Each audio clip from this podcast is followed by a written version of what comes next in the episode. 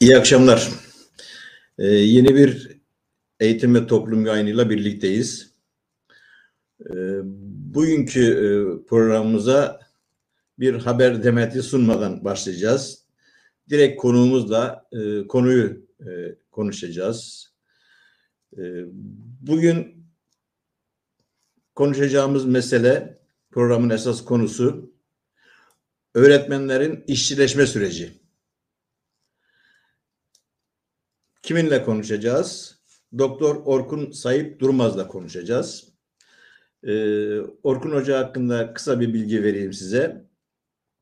Ee, ODTÜ Siyaset Bilimi ve Kamu Yönetimi mezunu. Yüksek lisansını küreselleşme karşıtı ve sendika dışı emek hareketleri teziyle tamamlamış. Ee, doktorasını emek süreci ve yeniden proleterleşme Türkiye'de öğretmen örneği teziyle doktora yapmış halen Kocaeli Üniversitesi Çalışma Ekonomisi ve Endüstri İlişkileri ana bilim dalında araştırma görevlisi olarak görev yapmakta. Hocamız aynı zamanda Ankara'da Eğitimsen 5 nolu üniversiteli şubesinde bir dönem yürütme kurulunda da görev yapmıştır.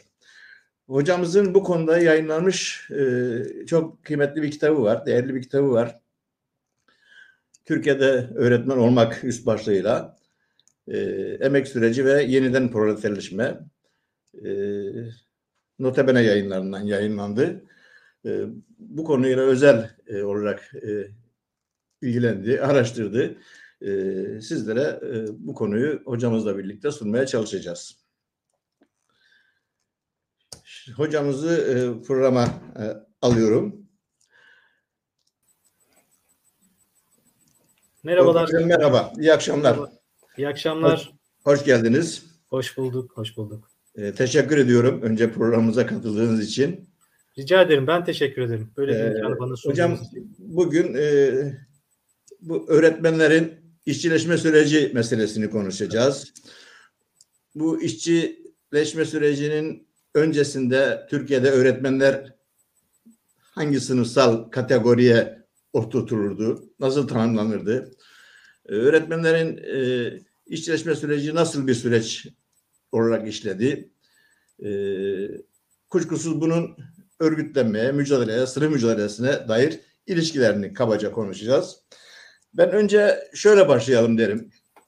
Bir zaman işte küçük burjuva, orta sınıf, memur dediğimiz bu öğretmenler ne oldu da bugün işçi sınıfının bir parçası ya da işçileşerek yeni bir proletarya e, gücü olarak ortaya çıktı. E, bu konuda buradan başlayalım derim. Buyurun. Peki hocam. Teşekkür ederim. Ee, tekrar e, beni bana bu imkanı sunduğunuz için de ayrıca teşekkürlerimi sunarak başlayayım. Şimdi Buyurun. nasıl bir sınıfsal konuma vardı ve neye dönüştü bu soru? Bu sorunun yanıtı buna yanıt vermek aslında. Ee, şöyle söylemek lazım. Bir kere sosyolojik olarak emek gücünü satmak zorunda olan yani geçinmek için emek gücünü satmak zorunda olan herkes gibi öğretmenler de aslında sosyolojik olarak işçi. Şimdi hukuken e, başka başka mevzuatlara tabi olmak ya da başka çalışan statüsünde yer almaları mesela devlet memurları kanuna göre çalışıyor olmaları sosyolojik olarak onları ya da başka bir memur kategorisini kamu çalışanı kategorisini işçi olmaktan e, azade kılmaz. Yani sosyolojik olarak emek gücünü satmak zorunda olan, geçinmek için emek gücünü satmak zorunda olan herkes nasıl işçi ise öğretmen de işçiydi aslında. Ancak e, Türkiye özeline dönecek olursak e, öğretmenin sahip olduğu mesleki itibar, bu yani toplumdaki öğretmen algısı, ayrıca öğretmenin kendi kafasındaki e, kendi sınıf konumu diyeyim yani nesnel olarak sınıfsal konumu değil ve fakat kendini yerleştirdiği ve yakıştırdığı, belki yakıştırdığı ifadesi daha doğru olabilir. Sınıfsal evet. konum biraz farklıydı. Yani daha e, kendini nasıl diyelim daha bir orta sınıf olarak gören, işçi İmtiyaz olarak görmeyen. Gibi. Evet yani işçi olmayı biraz küçümseyen bir bakış açısına sahiptir. Genel olarak beyaz yakalı olarak çalışanlar yani kafa emeğiyle, zihin emeğiyle çalışanların böyle bir hani bakış açısının genel olarak var olduğunu söylemek yanlış olmak, haksızlık da olmaz. Ve fakat dediğim gibi öğretmenler işçiydi. Bunu mesela Yıldırım Hoca yine sizin programınızda güzel çok güzel anlattı aslında. Mesela daha Şefik Hüsnülerden, Ethem Necatlardan alıntılar yaparak onların ta bundan 100 yıl öncesinde bile öğretmenleri proleter olarak seslendiklerini biliyoruz. Ama bir, bir taraftan da şöyle bir durum var. Eski yani bundan e, nasıl söyleyelim 60'lı yıllara kadar diyelim. Yani Osmanlı'nın son dönemi ve Cumhuriyet'in ilk dönemi 1960'lara kadar gelen süreçte şöyle bir durum yok değil. Yani o da öğretmen, oradaki öğretmen daha çok kendini devletin üst yöneticileriyle bir gören ve kaymakamlığa anlatabiliyor muyum? E, çeşitli bürokratik kasların bir parçası olarak gören devletin e, yani halktan, emekçi sınıflardan biri olarak gören değil de e, devletin bir bürokratik kastının parçası olarak gören bir algıya sahipti. Bunun 1960'lara kadar devam ettiğini söylemek mümkün. Bu bakış açısını. 1960'larda bir politik kırılma oluyor. Türkiye'nin hemen her yerinde her meslek grubunu etkilediği gibi e, öğretmenlerde çok dinamik bir süreç başlıyor ve iş gücünün proleterleşmesinin dışında politik proleterleşme dediğimiz bir süreç yaşanıyor öğretmenler açısından. Yani bunun en böyle veciz örneğini herhalde 1965-1971 yıllarında faaliyet gösteren e, Türkiye Öğretmenler Sendikası, TÖS kısaca e, olduğunu biliyoruz. Mesela bu artık öğretmenin e, kaderini üst sınıflarla değil de ya da devlet kastıyla değil de emekçi sınıflarla birleştirdiğini gösteren çok önemli sosyal ve siyasal bir dinamik süreç olarak düşünülebilir. Ee, daha sonra 71'de işte kapatılıyor. Daha doğrusu kamu çalışanlarının sendika kurma hakkı yasaklanınca dernek statüsünde devam ediyorlar. TÖBDER e, kuruluyor. Aynı misyon devam ediyor 12 Eylül 1980 darbesine kadar. Sonra bildiğimiz neoliberalizm geliyor. Önce 12 Eylül bir düzleyici rolü görüyor. E, emekten yana örgütleri baskılıyor, yasaklıyor. Sol sosyalist hareketi baskılıyor, yasaklıyor ve sermaye sınıfı alabildiğine e, tırnak içinde özgür bir ortamda istediği yasayı geçiriyor, istediği düzenlemeyi yaptırıyor ve bunun sonucunda da e, önemli hak ve özgürlükler, kazanımlar yani bu atıyorum öğretmenler öz, özelinde konuşuyorsak eğer TÖBDER ve TÖS zamanında kazanılmış o kazanımlar birer birer tasfiye oluyor. Bu tabi bireysel olarak öğretmenin dünyasına da yansıyor. Öğretmenin bir takım tabiri caizse kayıpları oluyor denebilir. Yani bunu mesela sosyolojik olarak açıklamak icap ederse bu şöyle açıklanabilir. Neoliberalizmle birlikte işçileşme dediğimiz süreç, biraz böyle süreci açıklayarak tanımını da yapmış olalım. Profesyonel meslek gruplarını çözmesi demek. Yani sınıf temelinde çözmesi demek. Şimdi bu ne demek? Marx'ın manifestoda Engels'le birlikte meşhur bir şeyi vardır ya. Mesleklerin eski güzide mesleklerin halelerinin sönmesi. Orada öğretmenlik direkt geçmez. Başka meslek grupları geçer ama öğretmenlerin başına gelen şey aynıdır. Yani o itibarın, prestijin, toplumdaki e, hoca, öğretmen algısının e, nasıl diyelim bir erozyona tabi tutulması sürecidir bu aynı zamanda.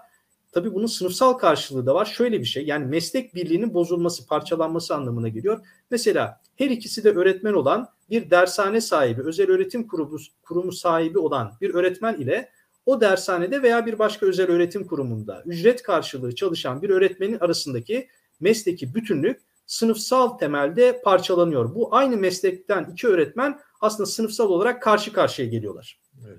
Proleterleşme dediğimiz, işçileşme dediğimiz ve bunun meslek birliğini çözmesi dediğimiz şey aslında sosyolojik olarak bu. Dolayısıyla oradaki ilişki yani bir dershane patronu ile dershane de ücretli çalışan olan öğretmen arasındaki ilişki herhangi bir atıyorum lastik fabrikasındaki patronla o patrona tabi olarak çalışan e, bir kol işçisi arasındaki ilişkiden sınıfsal açıdan elbette farklı değil.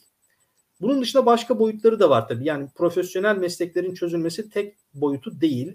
Mesela yabancılaşma dediğimiz bir şey var. Hani bu biraz e, felsefi bir kavram ama bunu şöyle daha somuta indirebiliriz, ayaklarını yere basabiliriz. Öğretmenin kendi yaptığı işe yabancı hale gelmesi, aşırı rutinleşen bir iş, e, yaptığı işe işte kendi yaratıcı etkinliğini kullanamamaya başlaması, sıkıcı bir rutin döngüsü içerisinde devinmesi, bir an önce işimi bitireyim de akşam eve gideyim, ayaklarımı uzatayım, televizyon seyredeyim algısının oluşturulması bu mesleki, bu işine yabancılaşma, kendi emeğine, emek sürecine yabancılaşma demektir. Ve bu da neoliberal süreçte işçileşme sürecinin bir e, ne diyelim paralelinde olan işleyen bir süreçtir. Yani mesela müfredata hakim değilsiniz. Daha doğrusu şöyle, müfredat aşırı ve antidemokratik bir merkeziyetçi e, formatta olduğu zaman öğretmen kendi yaratıcı kapasitesini öğrencilerini eğitmek için, onlara dokunmak için kullanamaz.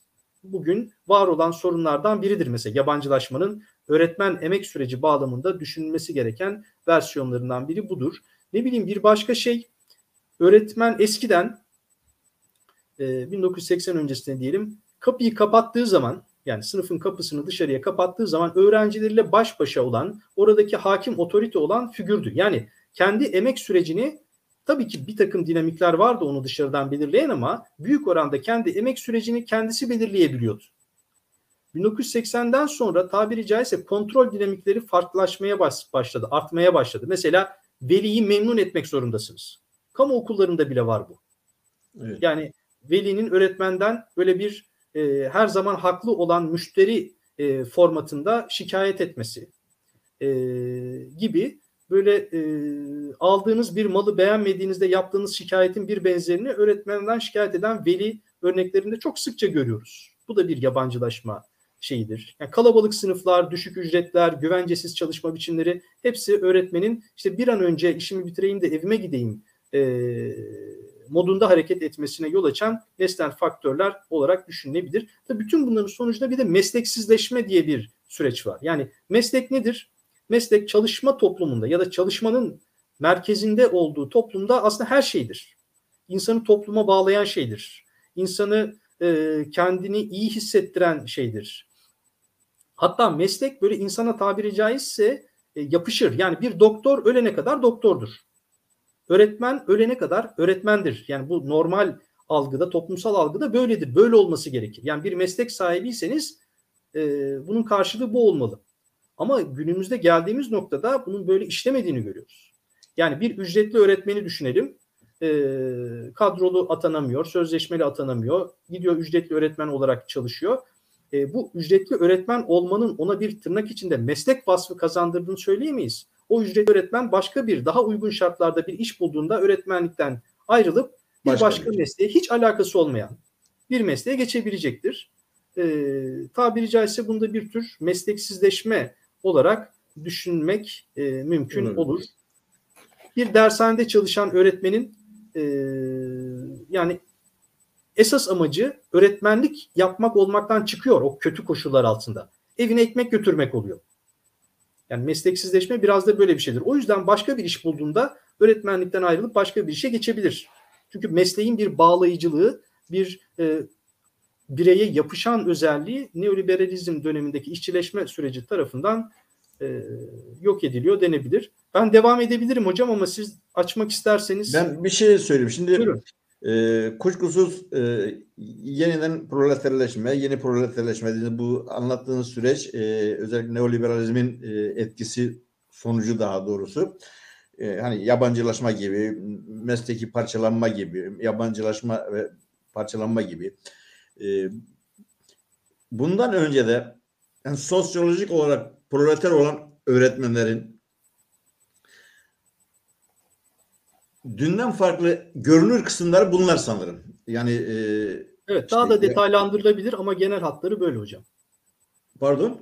Daha da detaylandırabiliriz ha, ama ha, genel, genel hatları itibariyle yani, böyle olduğunu söyleyebilirim. Evet. Ha, e, bunu beyaz yakalıların beyaz yakalılar için genelleyebilir miyiz? Bu işte mühendisler için, sağlıkçılar için, hekimler için, doktorlar için de Tabii ki farklı farklı derecelerde dere, e, söyleyebiliriz. Yani mesela benzer şeyler doktorlar için, avukatlar için de geçerli. Ama mesela hekimlerle öğretmenler kıyasladığımızda öğretmenlerin proleterleşmesi, işçileşmesi daha net bir süreç. Hızlı ve net. Evet. evet. Doktorlu hekimlerin buralardan çıkma ya da bu süreçten daha az etkilenme tırnak içinde fırsatları var. Piyasanın onlara sunduğu bazı imkanlar, bazılarına sunduğu bazı imkanlar sayesinde diyelim. Bu pek şunu da söyleyip geçelim. E, devam edelim doğrusu. Yani geçmişte hep söylenen bir algı olarak e, hem öğretmenin kendi dünyasında yarattığı algı mesela o statü meselesi şimdi aslında şey yaparız biz zaman zaman ve toplantıda bu mevzuyu konuşurken e,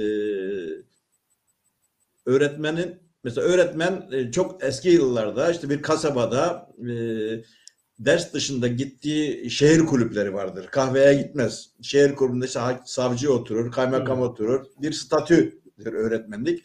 Hakikaten öğretmen e, dediğin zaman öğretmen kendisini başta ifade ettiniz e, daha üstten e, daha halktan farklı çalışan ücretlerden zaten işçilerden hep farklı bir e, sosyal topluluk olarak görmüştür ama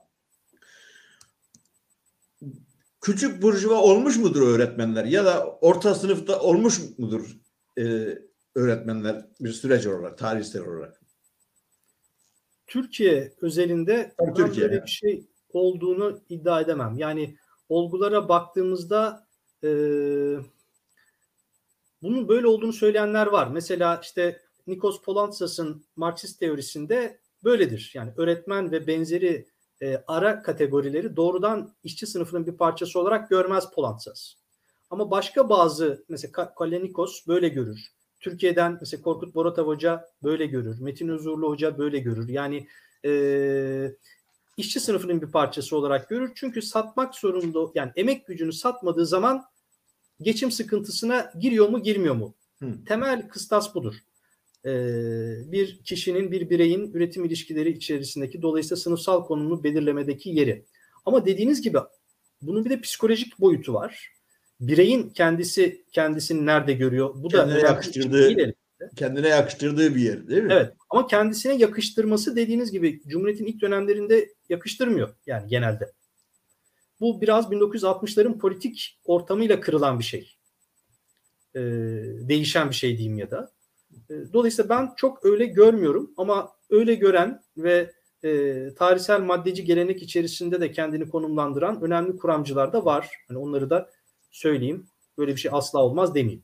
Ama zaten bugün e, yani neoliberal politikaların e, ortaya çıkardığı sonuçlar üzerinden baktığımızda Türkiye'de işte mülksüzleşme, yoksullaşma, piyasalaşma, ticaretleşme, yani kamu hizmetlerinin daha doğrusu piyasaya açılması sonucu e, aslında bu tartışma daha da netleş evet, gibi, netleşmiş gibidir. Bence artık 1980 öncesi tartışmalı olabilir ama bugün değil.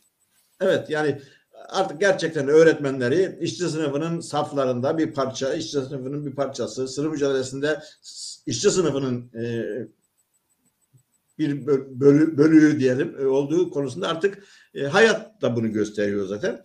Buradan şeye geçelim. Bu yeniden proleterleşme süreci bu dönemde bir de güvencesizlikle ilişkisi biraz açar mısınız? Yani nasıl yani, yaşanıyor güvencesizlik? Günümüzdeki proleterleşmenin yani işçileşme sürecinin, yeni işçileşmenin yahut e, en önemli belirleyicilerinden biri belki de en önemlisi güvencesizleşme. Yani Mesela öğretmen özelinde, öğretmenler özelinde konuşacak olursak 1980 öncesinde ya da neoliberal saldırıdan önceki dönemde öğretmenin en öğretmenlik mesleğini icra eden bireylerin en önemli güvencesi kamusal güvenceydi. Yani tırnak içinde bizim halkımızın e, mal olmuş bir şekilde ifade etmek gerekirse devlet kapısıydı öğretmenlik mesleği. Devlet evet. kapısında iş almaktı.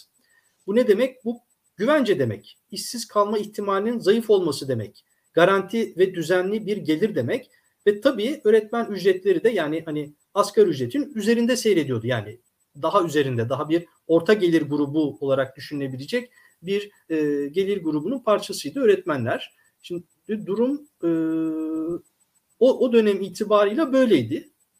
Ama e, şeye baktığımız zaman en genel anlamda bunları söyleyebilirim. Yani o mesele üzerinde. Bunun dışında e, tabii şöyle bir şey var. Eskiden öğretmenlerin eski eski proleterleşme diyelim yani 1980 öncesinde neoliberalizm öncesindeki proleterleşme esas itibariyle zanaat kökenli meslekleri proleterleştirdi. Yani toplumsal proleterleşme dediğimiz şey oldu. Küçük burjuva olarak düşünülen, ara sınıf olarak düşünülen, işte emek sermaye ayrışmasının henüz gerçekleşmedi. İşte kunduracı mesela. Hem sermaye sahibi hem emeğin sahibi ve marangoz. Mülksüzleştirme de. Evet onları mülksüzleştirdi hocam ve emek gücünün bir parçası haline geldi. İş gücü piyasasına fırlattı. Yeni proleterleşme dediğimiz sürecin en önemli e, sonucu ya da etkisi beyaz yakalılar üzerine ya da profesyonel meslek grupları üzerine oldu. Yani eskiden zanaat kökenler proleterleşirken o ara sınıfları vuran bir etkiydi bu. Onları mülksüzleştiren bir süreçti proleterleşme. Yeni proleterleşme ise beyaz yakalıları prole, prole, proleterleştiren, işçileştiren bir süreç oldu. Onların yeni bir e, dinamiği olarak yaşandı. Öğretmenlik mesleği özelinde de güvencesizlik çok belirleyici. Tüm meslek gruplarında olduğu gibi e, çeşitli güvencesiz kategoriler oluştu. Bunun en başat örneği özel sektör öğretmenleri ya da özel sektörde istihdamın, öğretmen istihdamının katlanarak artması. Yani 1970'li yıllarda, 60'lı yıllarda da var özel okullar. Ama orada istihdam edilen öğretmenlerin toplam Türkiye'deki öğretmen e, toplam öğretmen istihdamı içerisindeki payı çok e, çok ihmal edilebilirdi yani. Ama bugün öyle değil. Bugün kayda değer sayıda özel okul öğretmeni var. Özel kurum öğretmeni var Türkiye'de. Bunlar ihmal edilemez. Yani mesela bugün itibariyle 1 milyonun üzerinde bir öğretmen sayısı var Türkiye'de. Bunların e, yaklaşık 100 binden fazlası sanırım özel okul öğretmeni. Özel kurum öğretmeni. Yani onda bir gibi bir şey var. Kaldı ki artık güvencesiz istihdam sadece devlet kapısının dışarısında da seyretmiyor. Mesela yeni proleterleşmenin, yeni işçileşmenin en önemli göstergelerinden biri de budur. Kamu eskiden devlet kendisini bir güvenceli istihdam modeli olarak e, sunardı. Bugün öyle değil. Öğretmenler üzerinde bunu çok böyle şey bir örneği var, veciz bir örneği var. Ücretli öğretmenlik gibi taban aylığı olmayan, e, geçici olarak istihdam edilen aslında kadrolu öğretmen ne yapıyorsa ona da aynı iş yaptırılıyor. Ama çok e, sadece saat başına ücreti ücret ile çalışan bir öğretmen kategorisi ortaya çıktı. 2000'li yıllardan itibaren bu uygulanıyor. 2004'ten beri sanırım yani yaygın olarak uygulanıyor. Eskiden de vardı vekil öğretmenlik falan ama onlar boş kadroların e, pardon yani gerçekten ihtiyaç duyulan geçici istihdam modelleriydi onlar. Yani çok az kullanılıyordu, istisnai olarak kullanılıyordu. Ama 2000'li yıllardan sonra ücretli öğretmenler bayağı güvenceli istihdamın bir alternatifi olarak kullanılıyor. Yani bugün mesela 85 bin civarında ücretli öğretmen olduğu söyleniyor. Türk yani bunun resmi istatistiklere de yansımıyor bu hocam. Ancak mesela soru önergeleri veriyorsunuz bakanlara, mecliste milletvekilleri soruyor veya sendikalar araştırma yapıyor. Öyle ortaya çıkıyor. E, Türk Eğitim Sen'in galiba en son 2001 2021 yılı itibariyle 86 bin ücretli öğretmen tespit etmiş e, Türkiye'de. E, bu da yaklaşık 12 14 yüzde 15 falan olur yani. Pardon yüzde 7 yüzde 8 gibi bir orana tekabül eder. Bu da az değil. Devlet kapısı bu. Bir de sözleşmeli öğretmen var. 4B kapsamında işe alınan. Bunlar da güvenceli sayılmaz. Çünkü bunlar da aslında e, kadro karşılığı çalışmazlar. Evet fiilen işten çıkarılmaları daha az ihtimal dahilindedir. Yani dört şeylere göre, e, 4C'li öğretmenlere göre, ücretli öğretmenlere göre. Ama bunlar da sonuçta kadrolu istihdam edilmezler. Sözleşmeli olarak istihdam edilirler ve sözleşme süre sözleşmeleri yenilenmeyebilir. Yani böyle bir hakkı var kurumun, hükümetin, devletin. Dolayısıyla güvencesiz istihdamdır.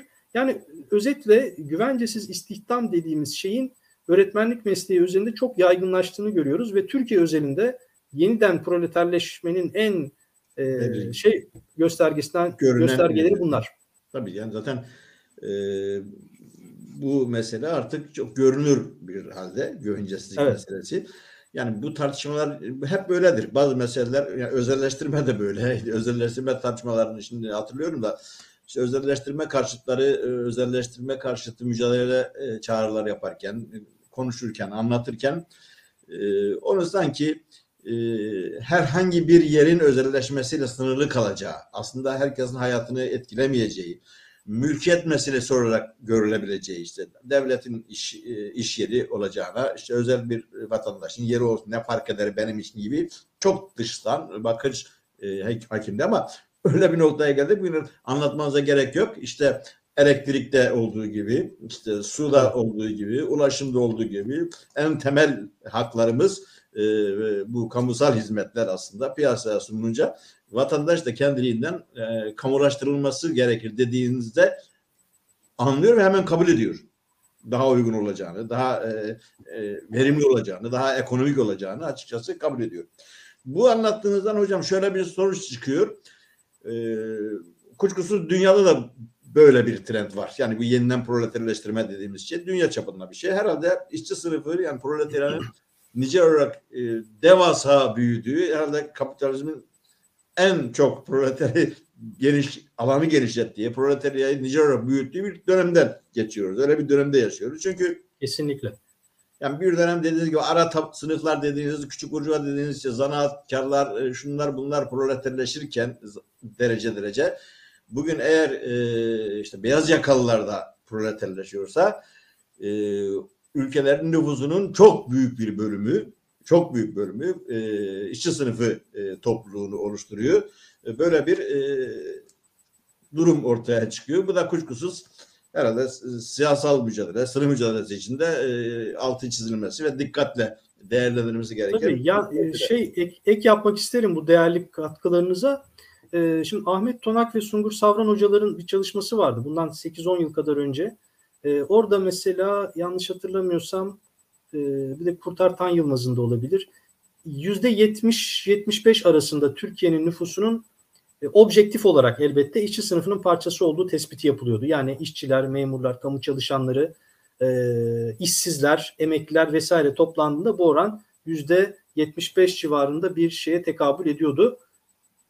E, bunu da ek olarak söylemek istedim. Tabii özellikle tabii kırsal kesimin e, e tasfiyesi, e, köylülüğün tasfiyesiyle e, doğal olarak hakikaten patlama yani işçi sınıfı nice olarak çok çok büyüdü. E, e, önemli sorunlar ve e, belki de avantajlar da ortaya değerlendirilirse avantajlar ortaya çıkmıştır.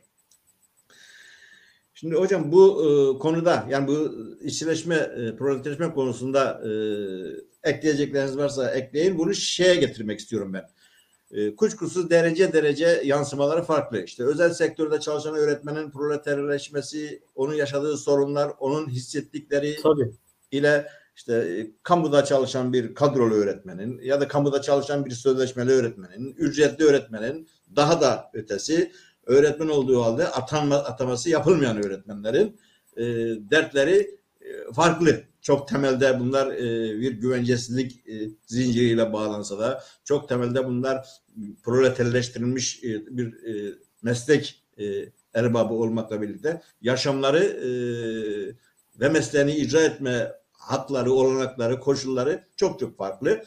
E, bu e, biraz konuşacağız daha daha sonra oraya tamam. gelelim bu arkadaşlarımızla ilgili. Dilerseniz şöyle yapalım buna yanıt vermeye çalışayım. Ondan sonra bu proleter işçileşme meselesine dair ekler yapalım. Yani daha somut böyle hayatın içinden örnekler yapalım. Önce şu e, öğretmenlerin kendi içindeki farklılaşmaya dair sizin sorduğunuz mesele üzerine biraz e, derinleşebiliriz diye düşünüyorum.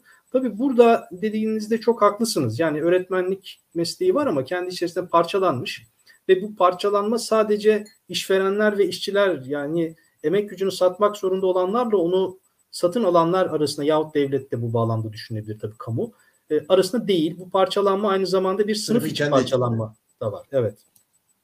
Buna tabakalaşma diyebiliriz. Çeşitlenme, farklılaşma diyebiliriz.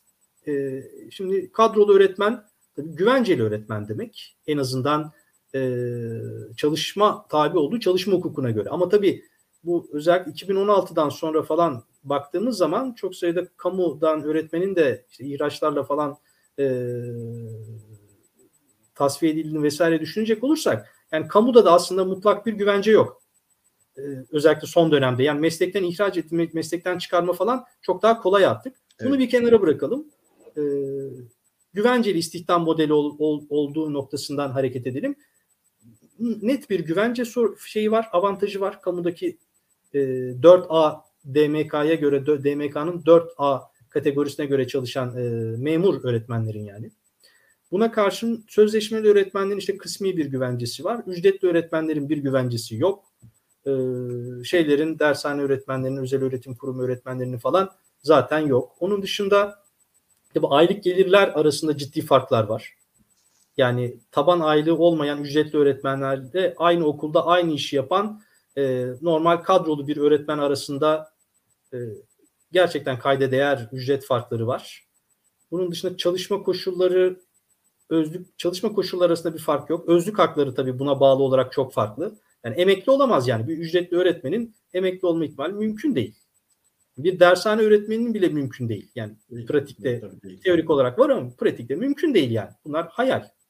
Ee, bunun dışında e, güç otorite ilişkileri, insan ilişkileri açısından bile bu farklılığı hissetmeniz mümkün oluyor. Ben saha deneyimimde bunu görmüştüm. Yani e, şöyle söyleyeyim hani bir politik yönü olmayan öğretmenler, politik yönü olan öğretmenleri bir kenara koyduğumuz zaman genel olarak öğretmen e, kümesi içerisinde kadrolu öğretmenlerin ücretli öğretmenlere yaklaşımı çok olumlu değildi. Yani öğretmen olarak görmüyordu onu, meslekten olarak görmüyordu. Bu yaygın bir şeydir. Yani çok Pardon yaygın. hocam. Sadece bir, Değil mi? bir şey ekleyeyim. Ee, yıllar önce e, benim de gözlemlerim aslında bu işçi sınıfının genelinde yaşadığı, yaşanan bir sorun. Kesinlikle. Enerji iş kolunda çalışan e, bir arkadaşım vardı. Taşeron işçisinin yeni yeni e, işe girdiği dönemde e, taşeronlara düş, taşeron işçilerine düşman gibi bakıyorlardı o kadrolu enerji işçiler. Yıllardır işte e, kadrolu çalışan öğretmenler. Yani bu aslında sınıfın kendi içindeki rekabet, iç rekabet sanırım değil mi? Özür Tabii dilerim. çok Buyurun. belirleyici yani çok e, bir de kaçınılmaz bir şey. Ben bence mesela şöyle bir şey var. Kaçınılmaz derken kabul edilmesi gereken değil ama yani birleşik bir sınıf hareketinin olmadığı, politik bir öznenin, güçlü bir politik öznenin olmadığı ortamda bu sınıf içi rekabet yaşanır. Yani bundan kurtulmak mümkün değil bence. Mesela göçmen işçi, yerli işçi arasındaki rekabet de böyle bir şey bence. Ee, çok olağandır ama başka kıstaslara bağlıdır tabii. Neyse konumuza dönmek gerekirse tabii şimdi bu kadar bariz farklar olduğu zaman sorunlar da değişiyor. Mesela kamuda kadrolu olarak çalışan bir öğretmen sınıf içi özerk hareket etmekten yani o e, tırnak içinde sınıf içerisindeki yetkin otorite olmak konusundaki kazanımlarının kaybe kazanımlarının kazanımlarının geri alınmasından daha çok şikayetçidir. Çünkü ama bir dershane öğretmeninin, bir özel okul öğretmeninin böyle bir şikayeti yani çok az olur. Çünkü onun çok daha büyük sorunları vardır. Yani bir ekmek derdinde o. Diğeri kamudaki öğren, öğretmen en azından belli bir gelir düzeyi olan e, bir e, düzenli geliri olan, belli güvenceleri olan kişi olduğu için daha farklı, daha e, daha üst ihtiyaçlar tabiri caizse hani ihtiyaçlar silsilesinde daha üst ihtiyaçlara doğru bakabilme lüksüne sahiptir. Tırnak içinde kullanıyorum tabii lüks falan değil bunlar ama aslında gayet insani ve mesleki açıdan gerekli şeyler ama içinde bulunduğumuz şeylerde öğretmenlerin genel bir hani enlemesine kesersek ortalamanın daha üzerinde olduklarını gösterirler. Mesela müfredatın demokratikleşmesini isteyebilirler. Daha politik talepleri olur. Okul yönetimine katılmak isteyebilirler.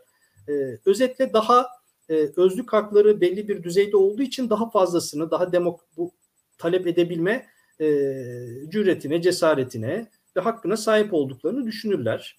E, genel olarak kamuda böyle bir şey olduğunu söylememiz mümkün.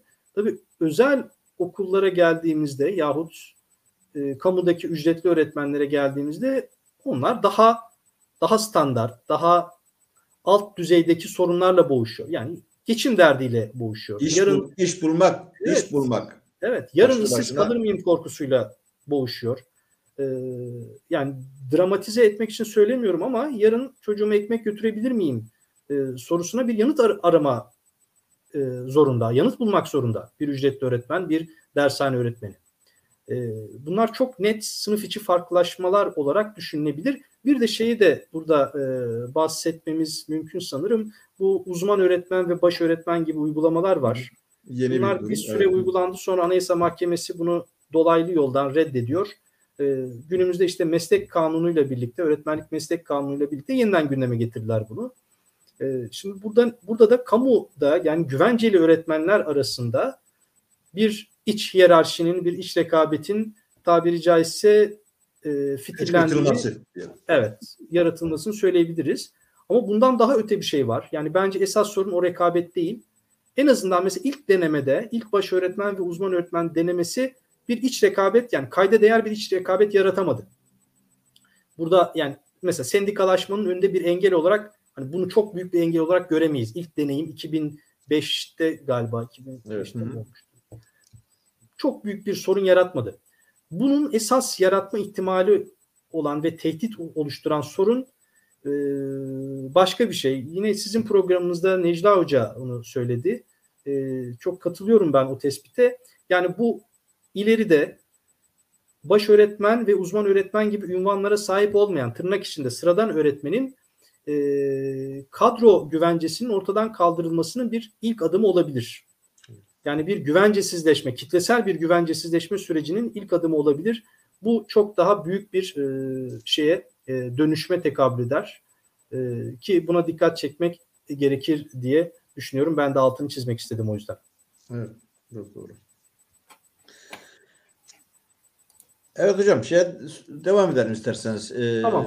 İşçileşme ile ilgili daha böyle sahadan ya da somut hani insanların hayatlarına denen değen şeylerden de bahsedebiliriz. Çünkü hani şeyler tabii önemli işte profesyonel mesleklerin çözülmesi dedik, yabancılaşma dedik, mesleksizleşme dedik ama bunlar sonuçta e, soyut kavramlar. Şimdi bunlar hayatta nasıl yaşanıyor?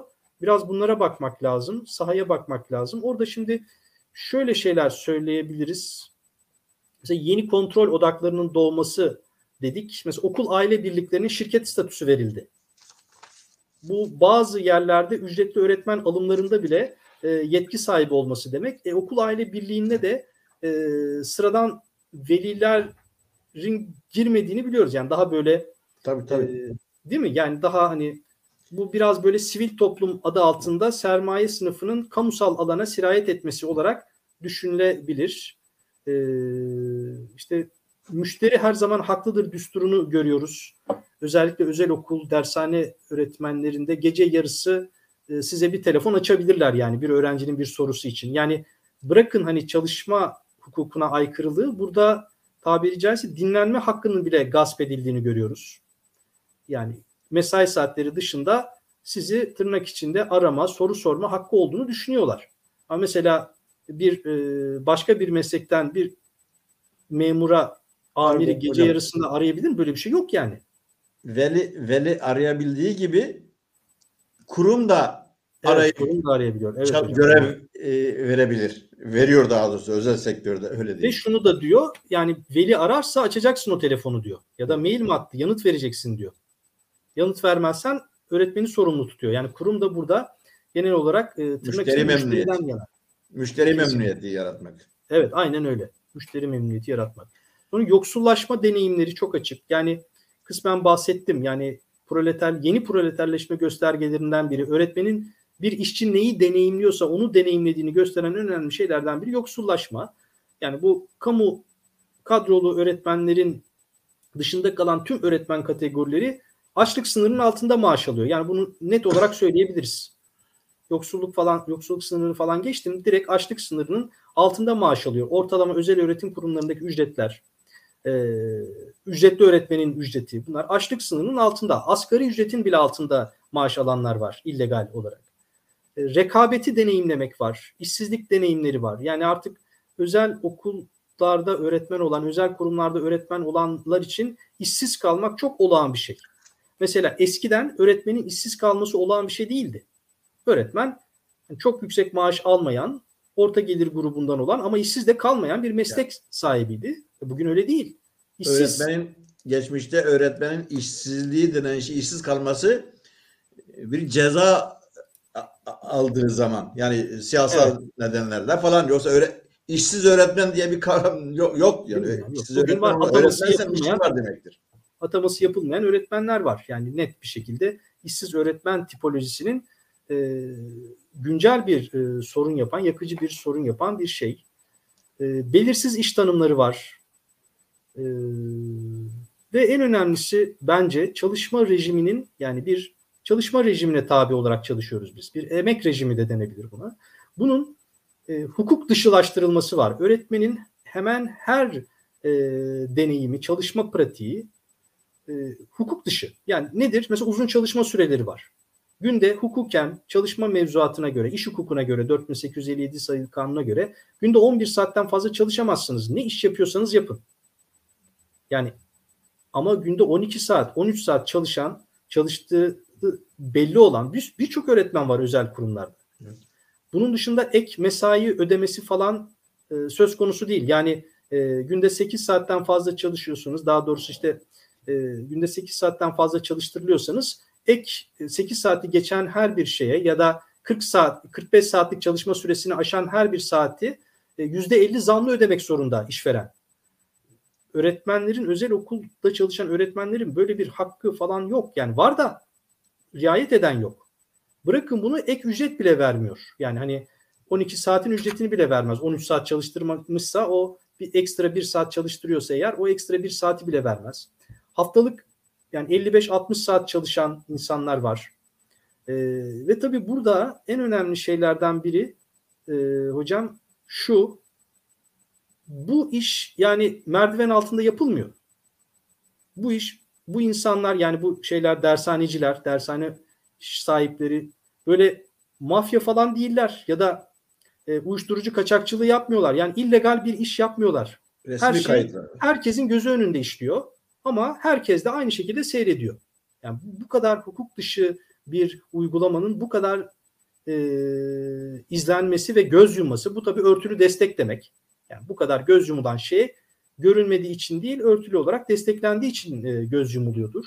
E, çok açık bir şekilde bunu ifade etmek lazım. Borçlandırma var.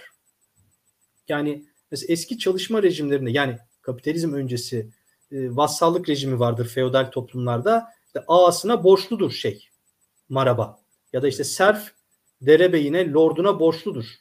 Şimdi onu anımsatan adeta bir takım uygulamalar var özel öğretim kurumlarında. Mesela yazıyor sözleşmeye ya da yazmıyor ama fiilen uygulatıyor.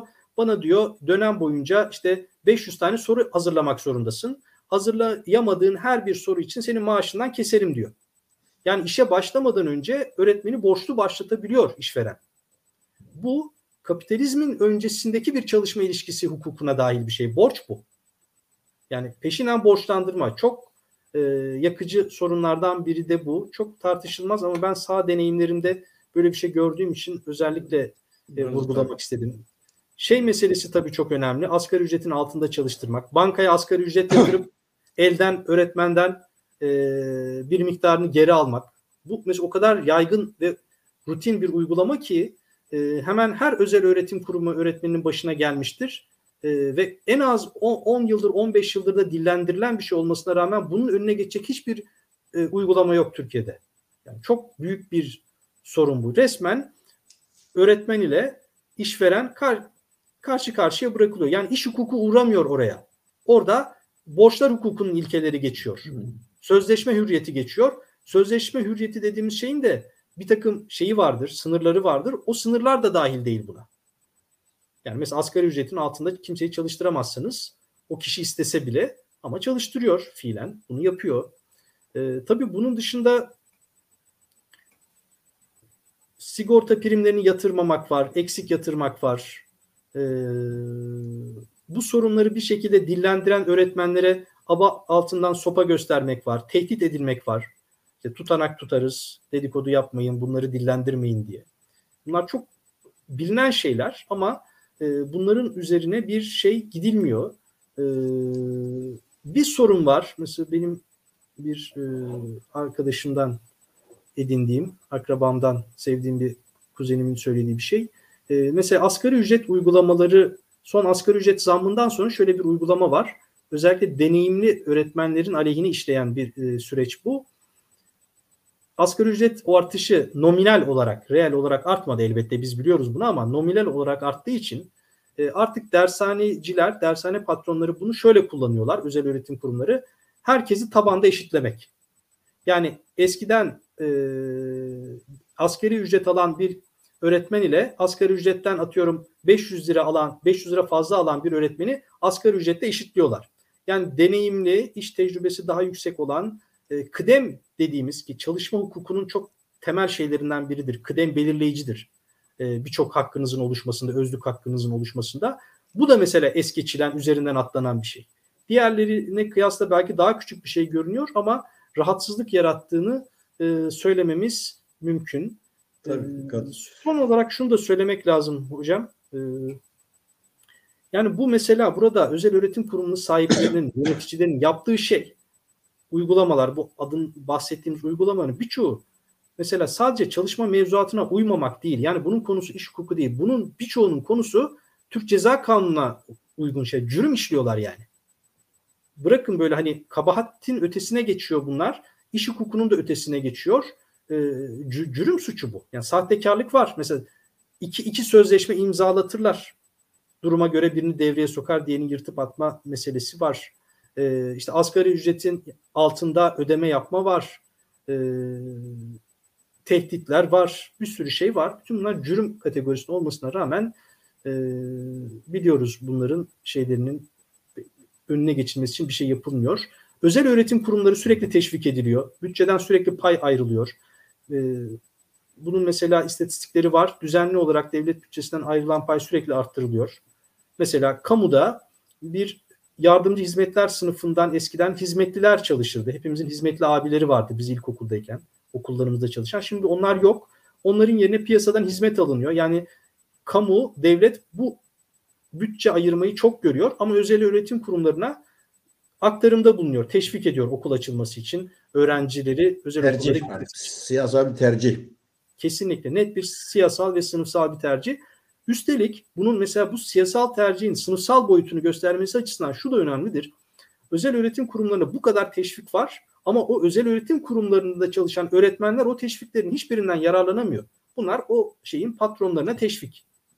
Yani ne kadar alırsa alsın bu iyileşme öğretmenin maaşına, gelirine yansımıyor. Bunu da ifade edelim. Yani sermaye sermaye yanlısı açık bir sınıfsal tutum. Çok Bunu net. şöyle e, yıllar önce e, yani 90'lı yıllarda e, hatırlıyorum o dönem bakan olan işte Köksal Top'tan sanırım Milli Eğitim Bakanı bir görüşmemizde ben de o dönemde sendikada görevliydim eğitimde bize çok açık söylemişti. Türkiye'de özel okul sayısı çok çok düşük işte Avrupa'ya göre diyerekler. Yüzde o zaman üçler falan diyordu. Da bunu en az yüzde on üçe falan çıkarmamız gerekir diyordu. Yani o zamandan beri sermayenin aslında e, göz diktiği bu kamusal alanı aslında sermayeye peşke çekileceğinin kararlarının alındığı, tartışıldığı bir dönem. Kuşkusuz Özal dönemiyle başka bir şey yaptığı falan denir ama e, bugünkü dönemde artık patlama yapmış vaziyette. Yani bu özel e, okullar. E, bunda şöyle bir neden de var. Şunu da aslında kullanıyorlar bence.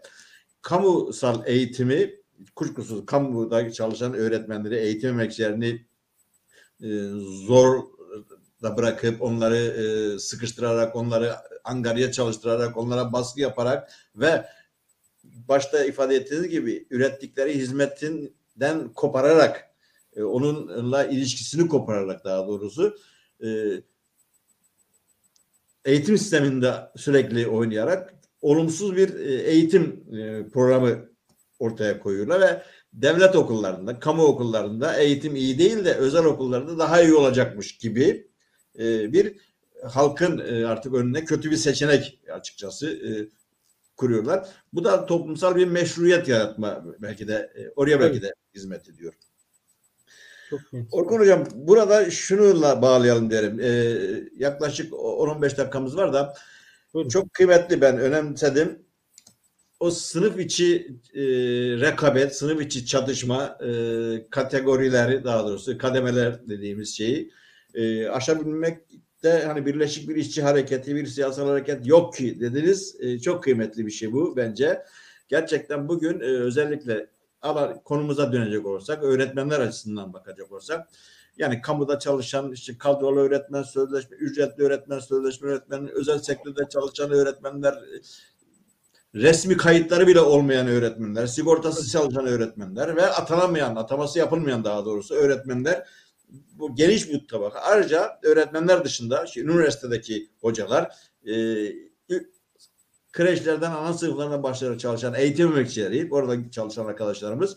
Bütün bunlar çok renkli bir topluluk, çeşitli bir topluluk, kademeleri ayrılmış topluluk. Ee, bunların örgütlenmesi ve mücadelesine dair e, Tabii, neler çok ben de onu düşünmüştüm.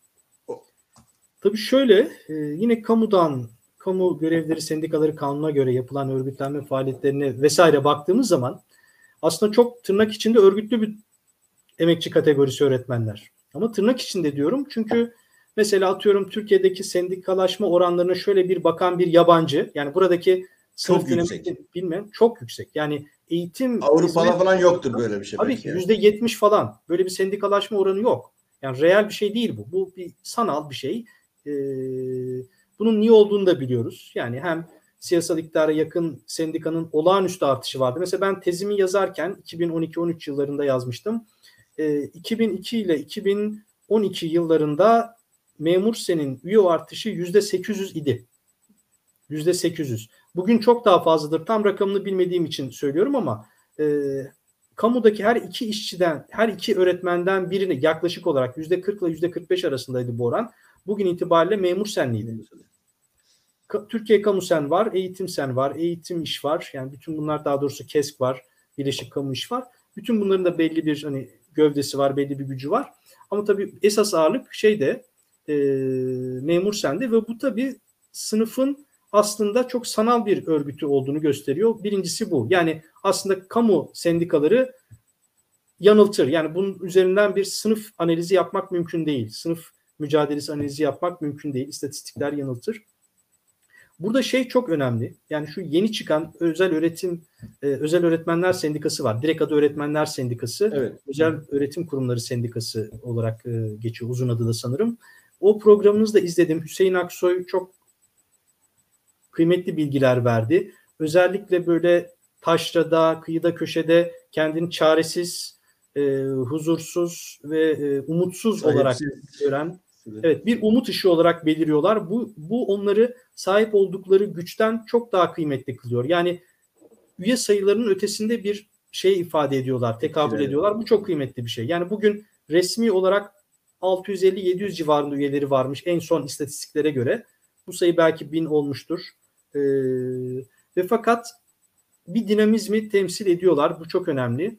Bu yüzden belki de bu mesela hani şey olarak teorik olarak Birleşik bir işçi sınıfı hareketi çok kıymetlidir. Bu anlamda öğretmenlerin de hani kadro statü farkı gözetmeksizin, özel kamu ayrımı gözetmeksizin bir çatı altında örgütlenmesi e, te- teorik bağlamda daha önemli gibi görünse de Türkiye'nin yaşamış olduğu, içinden geçmiş olduğu şu sendikal konjonktürde özel bu sendikanın ve bu tür girişimlerin en azından belli bir yere kadar, bir olgunlaşma evresine kadar, kurumsallaşmasını tamamlayana kadar e, bağımsız hareket etmesi bence daha e, daha iyi olur gibi geliyor bana sınıf hareketinin genel çıkarları bağlamında. Çünkü çok dinamik, çok genç bir şey ve bir o kadar da deneyimsiz ve kurumsallaşma düzeyi düşük bir örgütlenme. Bu kurumsallaşma düzeyi güç çok olan, daha e, çok üyesi olan sendikaların içinde erime, ona eklemlenme, eklemlenme, onun içinde kaybolma tehlikesini barındırıyor bence. E, artık kamu sendikalarının günümüzde hani bunu daha emekten yana demokratik kitle örgütlerini katarak da söylüyorum. Yani ben de eğitimsel üyesiyim. Kendimi de katıyorum bu eleştirinin içerisinde. Belli bir e, şey durumu var. Bir bir kısır döngünün içerisine girilmiş durumda. Yani 90'lı yıllarda müthiş bir ivmelenmeyle ortaya çıkan kamu emekçileri hareketi 2000'li yıllardan sonra belli bir durağanlaşmaya girdi. Yani belli başlı tek tek eylemler sayabiliriz. Hani 2008'de 2000'den sonra bahs- bahsediyorum. Hı. 2008'de bir SGK eylemi vardı çok güçlü. 2012 4 artı 4 artı 4 eylemi vardı. Yine bir grev vardı 2009'da. Bunlar çok ses getiren eylemler oldu ama bunlar e, bir sürenlik yaratamadı. Dolayısıyla ben belki bu özel öğretim e, pardon özel okul öğretmenleri sendikası aracılığıyla belki bu kamu sendikalarına da bu hantallaşmış e, yapıya da bir gençlik aşısı yapılabileceğini düşünüyorum. Yani bir bu onu sağlayabilir. Bu yüzden böyle bir erken birleşme e, bana çok işlevsel ya da çok sonuç alıcı gibi gelmiyor. Biraz ayrı kulvarlarda gitmekte sanırım yarar var. Bence zaten bugün zaten bir birleşme diye bir gündem yok olması gerekmiyor zaten. Bence de katılıyorum düşüncelerinize. Bu e, dezavantajlarına, e, olası e, sıkıntılar çıkar, ortaya çıkan sıkıntılara katılıyorum. Başından bu düşürülmesi gerekiyordu. Başından bence e, yani görünür olan, belirleyici olan e, hatta işte demokratik öğretmen hareketinin temsilcisi dediğimiz e, eğitimsen e, yani eğitimsen, eğitimsen bu gelenek daha doğrusu işte Töztöpler geleneği dediğimiz gelenek Evet. aslında e, kaçırdı. Böyle birleşik bir e, öğretmen hareketi, birleşik bir öğretmen e, sendikası ya da eğitim alanına dair bir birleşik sendika e, kurma şeyini kaçırdı. Kaçırdı derken bence e, başka bir konu bir tartışma konusu ama Tabii. e, yasa çıktıktan sonraki e, sendikalardaki hantallaşma, bürokratikleşme biraz haksızlık belki olacak ama daha ötesi bence programsızlık. Bir sendikal strateji olmaması ve kendini tekrar eden bir süreçte yaşayınca doğal olarak e, yani hani hayat boşluk tanımaz e, doğal olarak e, özel sektördeki arkadaşlarımız e, gerçekten çok doğru bir yerden çok dinamik bir biçimde ben de katılıyorum. Üye sayılarından çok daha büyük etkiler olduğuna inanıyorum ve e, başarılı olacaklarına da açıkçası inanıyorum. E, belki ileride böyle birleşik bir e, hareket e, de tuğla koyarlar. Belki orada gerçekleşir ama bu yan yana olmaları, omuz omuz olmaları, dayanışma içinde olmaları kuşkusuz çok büyük bir avantaj. Yani eğitim senede o özel sektör öğretmenleri sendikasının e, dirsek teması içinde olması, birçok konuda yan yana bulunmaları kuşkusuz e, çok kıymetli, çok değerli. Tabii ki, tabii ki.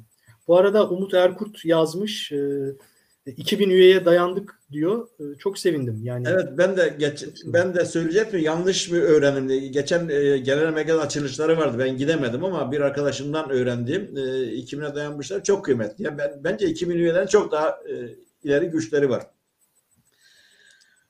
Hocam son sözlerinizi alalım ve toparlayalım. E, bir de şuna da bir değinirseniz bu e, beyaz yakalı dediğimiz bugün özel olarak konumuz olan öğretmenler, işçileşmiş, yeniden yeni proleterleşmiş bu topluluğun geleneksel işçi sınıfıyla teması, mücadelesi e, doğrultusu konusunda neler söylersiniz?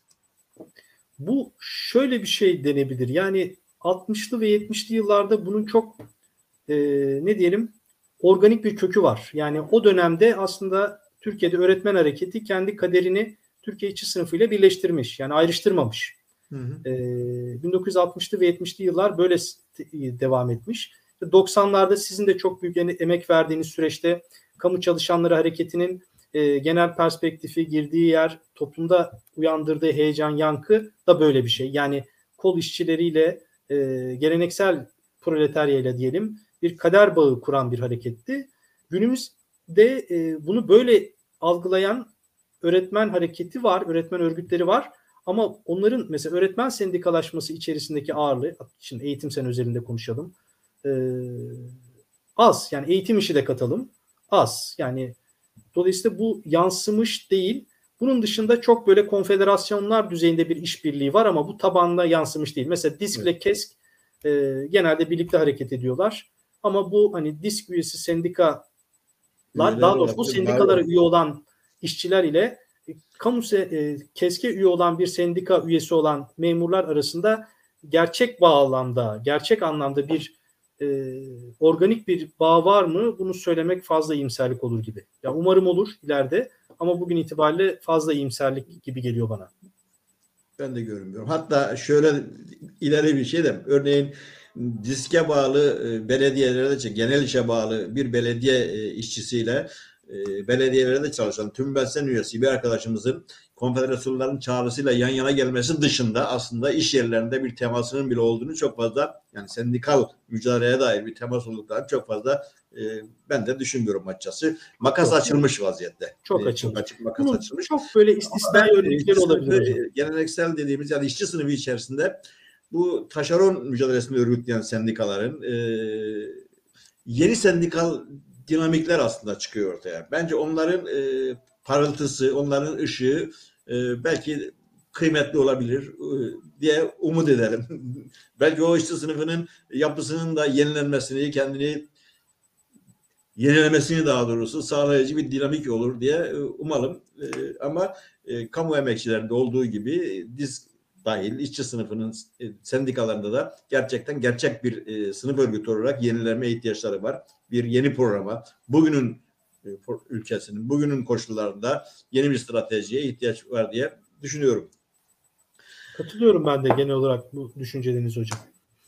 Evet sevgili hocam tekrar çok teşekkür ediyorum. Çok Ben çok çok verimli oldu. Ben gerçekten eee, çok faydalandım açık konuşayım. Yani kitabınızı okuduğum zaman da kuşkusuz eee, çok şey öğrendim ama böyle e, karşılıklı sohbetimizle daha da e, iyi oldu. Ben de çok mutlu oldum. Hem sizinle böyle birebir Ben, tanışma imkanı ben bizi, buldum. bizi izleyen arkadaşlarımızın e, Orkun Hoca'nın e, Türkiye'de öğretmen olmak e, kitabı benim de hemen başucumda bu kitabı edinmelerini e, öneririm arkadaşlarım okusunlar. E, gerçekten e, iyi bir çalışma, çok kıymetli bir çalışma. Sağ olun. Sevgili hocam e, tekrar buluşmak üzere e, başka programlarda. İnşallah e, çok memnun olurum. Çok sevinirim. ben de Görüşmek çok sevindim. İyi akşamlar dilerim. Sağ olun. Teşekkür ederim. Tekrar. Sağ İyi olun. akşamlar. Hoşçakalın. Bu akşam e, programımızı Orkun Sayıp Durmaz ile e, öğretmenlerin işçileşmesi, öğretmenlerin sınıfsal konumu, öğretmenler arasındaki kategorik ayrışma, örgütsüz öğretmenler, güvencesiz öğretmenler, mesleğe yabancılaşmış öğretmenleri konuştuk. E, bizi izlediğiniz için hepinize teşekkür ediyorum. İyi akşamlar diliyorum.